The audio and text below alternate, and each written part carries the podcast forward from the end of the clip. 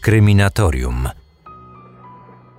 Tak, wstęp mamy za sobą, więc można przejść do konkretów, których dzisiaj mam dokładnie 7.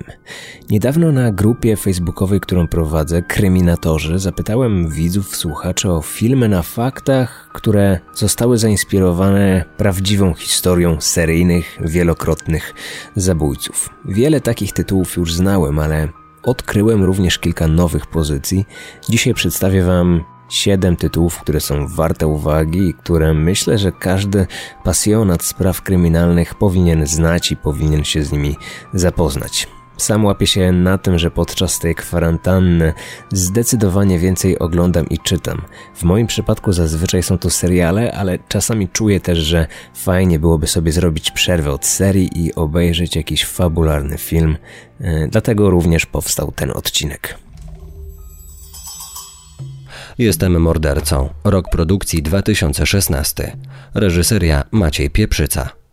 Zaczniemy od polskich produkcji, a jeżeli mówimy o produkcjach krajowych, to musimy wspomnieć na samym początku od filmu Jestem mordercą. Film nagradzany, film bardzo popularny, między innymi dlatego, że jest na Netflixie. Czy jest to film dobry? Teraz mogę w pełni powiedzieć, że tak, ale gdy obejrzałem go po raz pierwszy, muszę przyznać, że byłem trochę zawiedziony tym tytułem. E, oglądałem go na pokazie przedpremierowym mm, i wówczas byłem niesamowicie nakręcony na historię Zdzisława Marchwickiego, czyli tego wampira z Zagłębia, o którym ten film opowiada. Przypomnę, że Marchwicki został skazany za zabójstwo kilkunastu kobiet oraz kilka usiłowań. E, do ataków dochodziło w drugiej połowie lat 60. na terenie Zagłębia. Żaden polski seryjny zabójca nie ma na swoim koncie tak wielkiej liczby ofiar jak, jak wampir. Przed tym moim pierwszym seansem, to było jeszcze w 2016 roku, gdy czytałem wszystkie artykuły o sprawie, oglądałem reportaże, byłem też świeżo po lekturze książki Przemysława Semczuka. Gdy obejrzałem ten film, Byłem niezadowolony, że jednak tak wiele faktów odbiega od tego, co mogliśmy zobaczyć na ekranie. Przede wszystkim ważnym wątkiem tej całej sprawy, jak i również e, filmu, był proces sądowy, gdzie na ławie oskarżonych w filmie siedział tylko Zdzisław, grany przez Arkadiusza Jakubiaka, który swoją drogą nie jest w ogóle podobny do, do tego prawdziwego Marchwickiego. Pamiętamy pewnie, że oprócz Marchwickiego na karę śmierci został skazany również Jan, a inny brat Henryk usłyszał wyrok 25 lat więzienia. Mm, w filmie tego w ogóle nie było. Tych post te postacie się nie pojawiają, a przecież był to proces rodziny Marchwickich, a nie tylko jednego człowieka i takich przykładów nieścisłości było znacznie więcej, więc oczywiście zdaję sobie sprawę, że niektóre wątki czasami trzeba w filmie pozmieniać tak, aby się nadawały pod ten język filmowy. Czasami coś trzeba uprościć, czasami z czegoś trzeba zrezygnować, ale jednak e, liczyłem na to, że tych faktów w filmie będzie więcej, ale no jest to zupełnie zrozumiałe, bo fabuła była kierowana do każdego widza, a nie tylko do pasjonatów tematu. Wtedy mi to przeszkadzało, ale gdy obejrzałem film kilka lat później, gdy był już na Netflixie mm, i tych nieścisłości nie szukałem, oglądałem go po prostu jak zwykłe kino, tak gdyby nie dotyczył prawdziwej historii, tylko zanurzyłem się w ten filmowy świat mrocznej opowieści. Wtedy odebrałem go zupełnie inaczej. To jest dobre kino, ode mnie jestem mordercą, otrzymuję 7 na 10. W nawiązaniu do tego tytułu trzeba jeszcze wspomnieć, że reżyser Maciej Pieprzyca 18 lat wcześniej, przed zrealizowaniem tej fabuły, opowiadał o sprawie wampira także w dokumencie, który jest pod niemal identycznym tytułem. Między innymi jest do znalezienia w serwisie YouTube. Polecam, polecam gorąco ten dokument, tym bardziej, że w filmie jest wiele materiałów archiwalnych z procesu. Ten film z kolei to jest już konkretny, rzetelny zapis e, prawdziwych wydarzeń. Tam reżyser przekonuje widza, że wampir tak naprawdę mógł tym wampirem jednak nie być i my, jako widzowie, zadajemy sobie pytanie, kto był tym tytułowym mordercą? Czy był to sądzony Zdzisław Marchwicki, czy może osoby, które doprowadziły do jego skazania i śmierci? W tej kwestii od lat pojawia się wiele pytań. O tym, że na śmierć skazano niewinnego człowieka, jest także przekonany autor książki Wampir Zagłębia, Przemysław Semczuk, o którym wspomniałem już przed chwilką. Lektura jego reportażu też właściwie nie pozostawia żadnych wątpliwości, że skazano człowieka niewinnego. No trudno sobie aż taką sytuację wyobrazić, prawda? Bogu ducha winny mężczyzna jest więziony i czeka na wykonanie wyroku. Na wolności zostawia rodzinę, dzieci. Mówi o nim właściwie cały kraj i wszyscy go nienawidzą, a on nic nie zrobił. No tak właśnie mogło być. Mogło być tak, że pod szubienicę trafił tylko dlatego, że władza zdecydowała, że trzeba kogoś po prostu ukarać. Straszne. Najgorsze jest też to, że jeżeli naprawdę to była fatalna pomyłka, a właściwie e, pomyłka to chyba nie jest odpowiednie słowo. E, należy powiedzieć niedopuszczalne działanie ze strony władz i organów ścigania. Jeżeli tak było, to prawdopodobnie nigdy nie będziemy mieć tej stuprocentowej pewności. Zdzisław nie żyje, podobnie jak większość osób, które w tym procesie brały udział. Sprawa jest oficjalnie zamknięta, ale wciąż jest owiana wielką tajemnicą. Czerwony Pająk, rok produkcji 2015. Reżyseria Marcin Koszałka.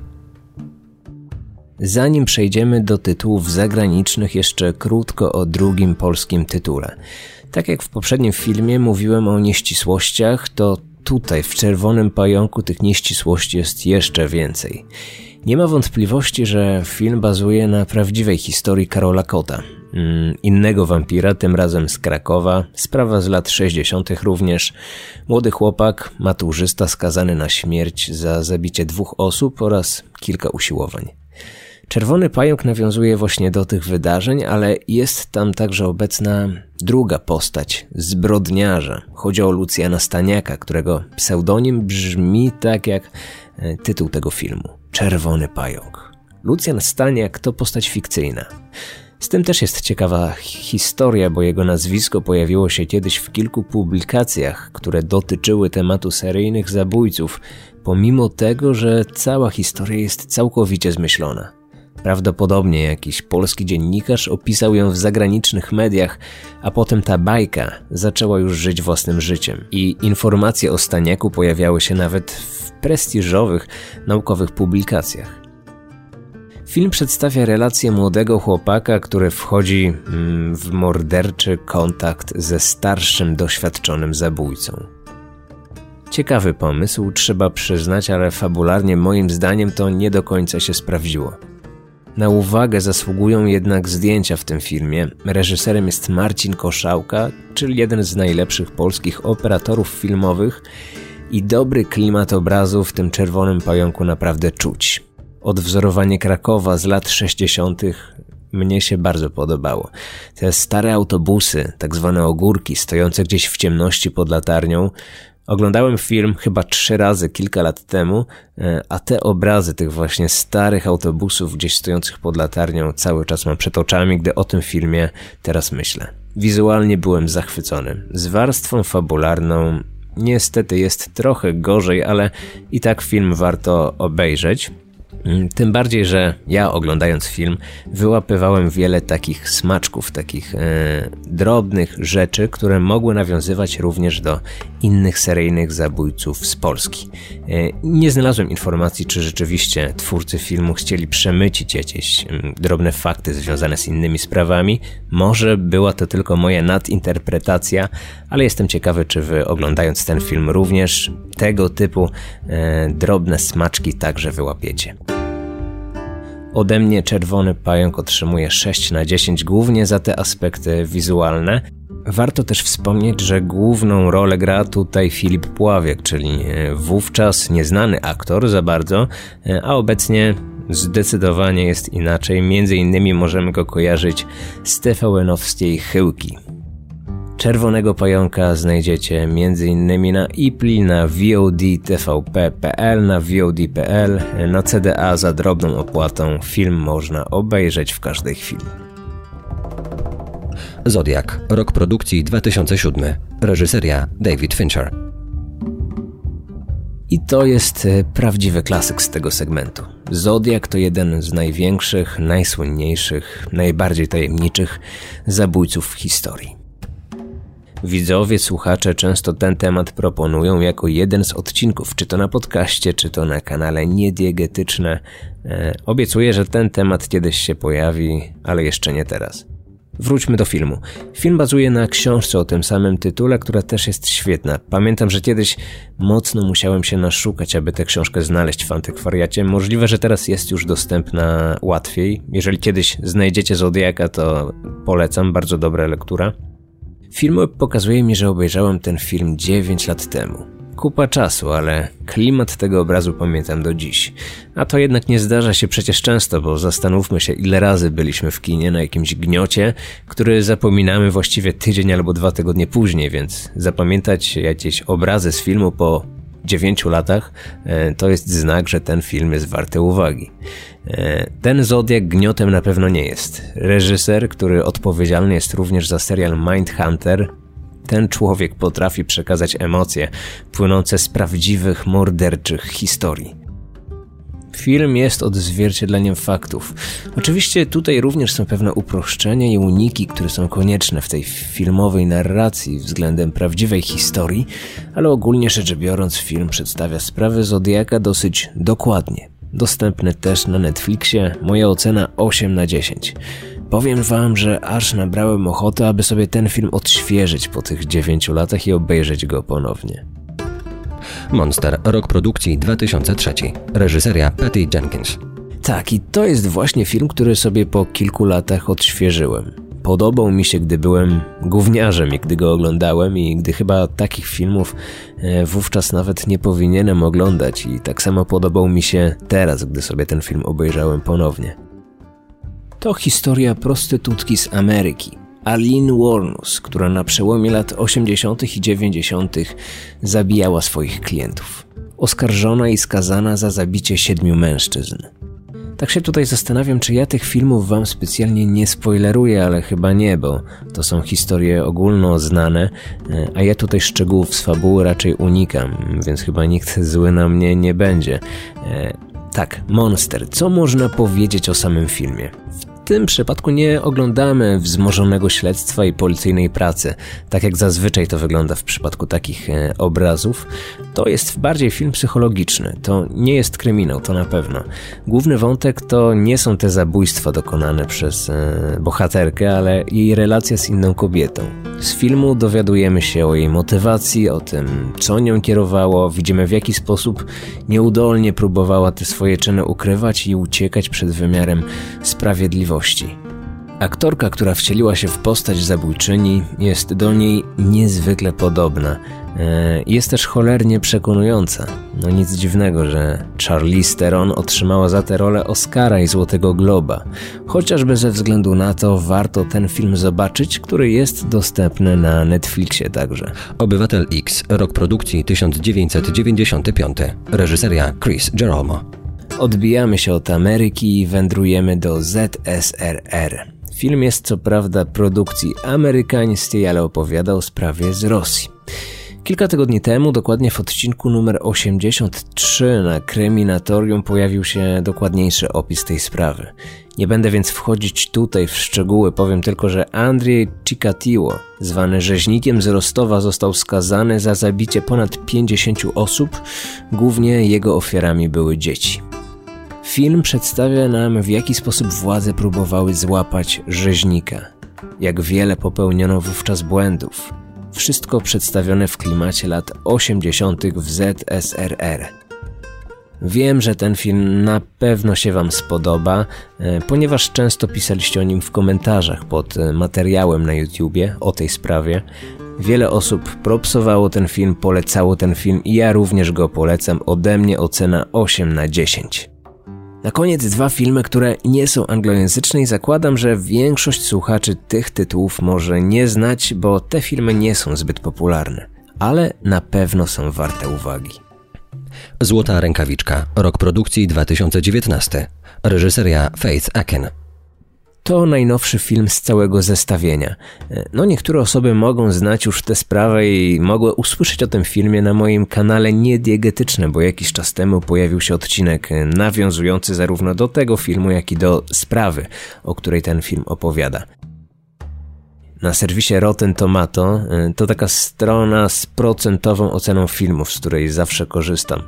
Złota rękawiczka ma zaledwie nieco ponad 50%. Czyli średnio się podoba, ogólnie mówiąc. Mm, ja mam taką zasadę, że jeżeli dany film na Rotten ma mniej niż powiedzmy te 60%, to go nie oglądam, bo prawdopodobnie nie warto, ale w tym przypadku było akurat zupełnie inaczej, bo ocena na Rotten zupełnie nie pokrywa się z oceną moją. U mnie ten film dostaje 9 na 10.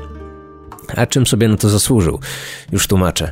Najpierw kilka słów o historii, na której bazuje. Mm, Fritz Honka to taki niemiecki Bogdan Arnold. W pierwszej połowie lat 70. zabił cztery prostytutki. Swoje ofiary poznawał w obskurnym barze o nazwie Złota Rękawiczka, no i stąd też tytuł tego filmu. Brutalne zbrodnie. Ciała kawałkował i ukrywał na strychu w mieszkaniu. W filmie zostało to przedstawione w sposób niezwykle odrażający. Chwilami ten film po prostu jest obleśny. Jest cholernie realistyczny. Przy tych najmocniejszych fragmentach sceny są realizowane na jednym ujęciu, kamera stoi sobie gdzieś z boku i ja jako widz czułem się jak taki niemy świadek tej zbrodni, który gdzieś tam w kącie pokoju siedzi pod kocem i podgląda tego e, zabójcę, bojąc się, że ten zwróci na mnie uwagę. Co więcej, aktor, który wcielił się w rolę Honki, również jest to bleśny i przerażający. No w rzeczywistości ten mężczyzna, który się w tę rolę wcielił, wygląda całkiem dobrze, ale na potrzeby filmu został odwzorowany e, tak, że wzbudza odrazę. Ma garba, ma zeza, ma spłaszczony nos. To jest ten facet na miniaturce. Co ciekawe, e, ten prawdziwy zabójca Fritz Honka nie był aż takim oblechem, jak, jak ten aktor, który e, gra w tym filmie. Ale myślę, że to jest też walor tego obrazu, że, że ten wizerunek głównej postaci w jakimś stopniu odzwierciedla klimat tego filmu i e, już patrząc tylko na wygląd aktora, możemy spodziewać się, co zobaczymy w filmie. Na uwagę zasługuje też scenografia w filmie. W sieci możemy znaleźć wiele zdjęć e, z prawdziwego domu mordercy Fritza Honki e, i dzięki temu możemy sobie porównać jak to wyglądało w filmie i to jest praktycznie odtworzone jeden do jednego. Taki sam układ mieszkania, takie same plakaty na ścianach, takie same lalki, nawet te aktorki są podobne do prawdziwych ofiar. Zresztą na końcu filmu jest jeszcze kilka prawdziwych zdjęć, które tej sprawy dotyczyły, e, więc możemy sobie wszystko świetnie porównać. Fragmenty zwłok, które Honka ukrywał w budynku, z czasem zaczęły nieprzyjemnie pachnieć. No lekko mówiąc, bo to był prawdziwy fetr z tego, co możemy e, zaobserwować w filmie, jak i wyczytać w tych wszystkich opisach, które opowiadają o tej sprawie. Ten fetor, ten nieprzyjemny zapach e, czuć z tego filmu. Motyw zapachów w tym filmie towarzyszy bohaterom i jest często w filmie podejmowany.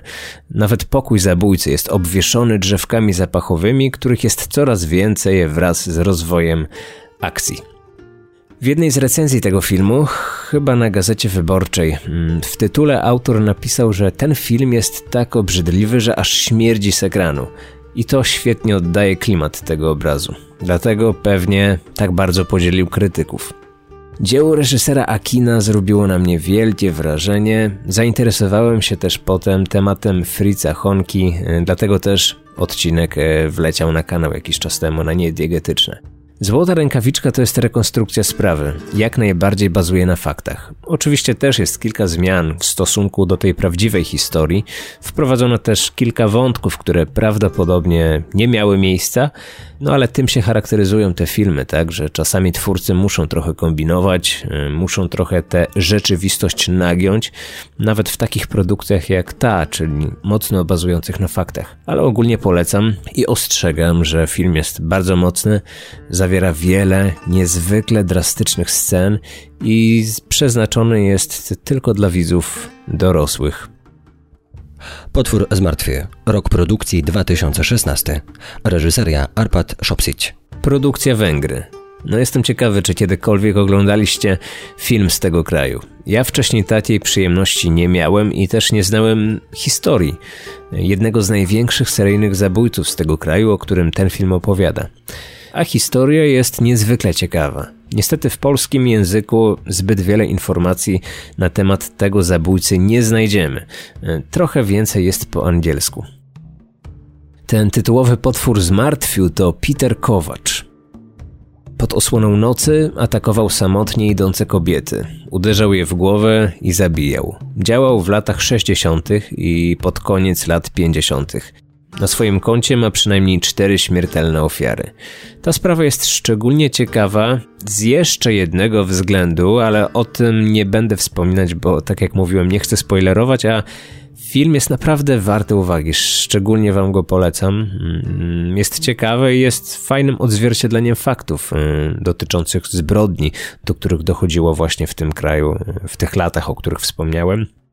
Bez problemu znajdziecie go y, w sieci po wpisaniu tytułu w goglach. Moja ocena 8 na 10.